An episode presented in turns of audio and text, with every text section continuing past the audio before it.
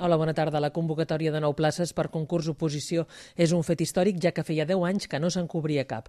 Els agents denunciaven que una quarta part del cos estava formada per interins. La regidora de la policia, Luz Ramírez, ha reconegut que la protesta dels policies ha influït. És la confluència de les dues coses. La necessitat estava, estava clara i, lògicament, la reivindicació doncs, també accelera que, que traiem tot això. Pel que fa als agents, molts dels quals han estat de baixa últimament, ho veuen bé, però esperen que s'acabin de cobrir les 14 places on hi ha interins, com explica Jordi Jiménez. Nosaltres havíem demanat en total 14 places pel tema de les jubilacions, comptant amb les jubilacions. Bueno, ells han volgut treure només 9 i, i dient que l'any que ve en trauran més. Bueno, a l'espera d'això, però bueno, en principi tot el que sigui treure per nosaltres és positiu, clar. Aquest portaveu policial està convençut que la protesta ha estat clau.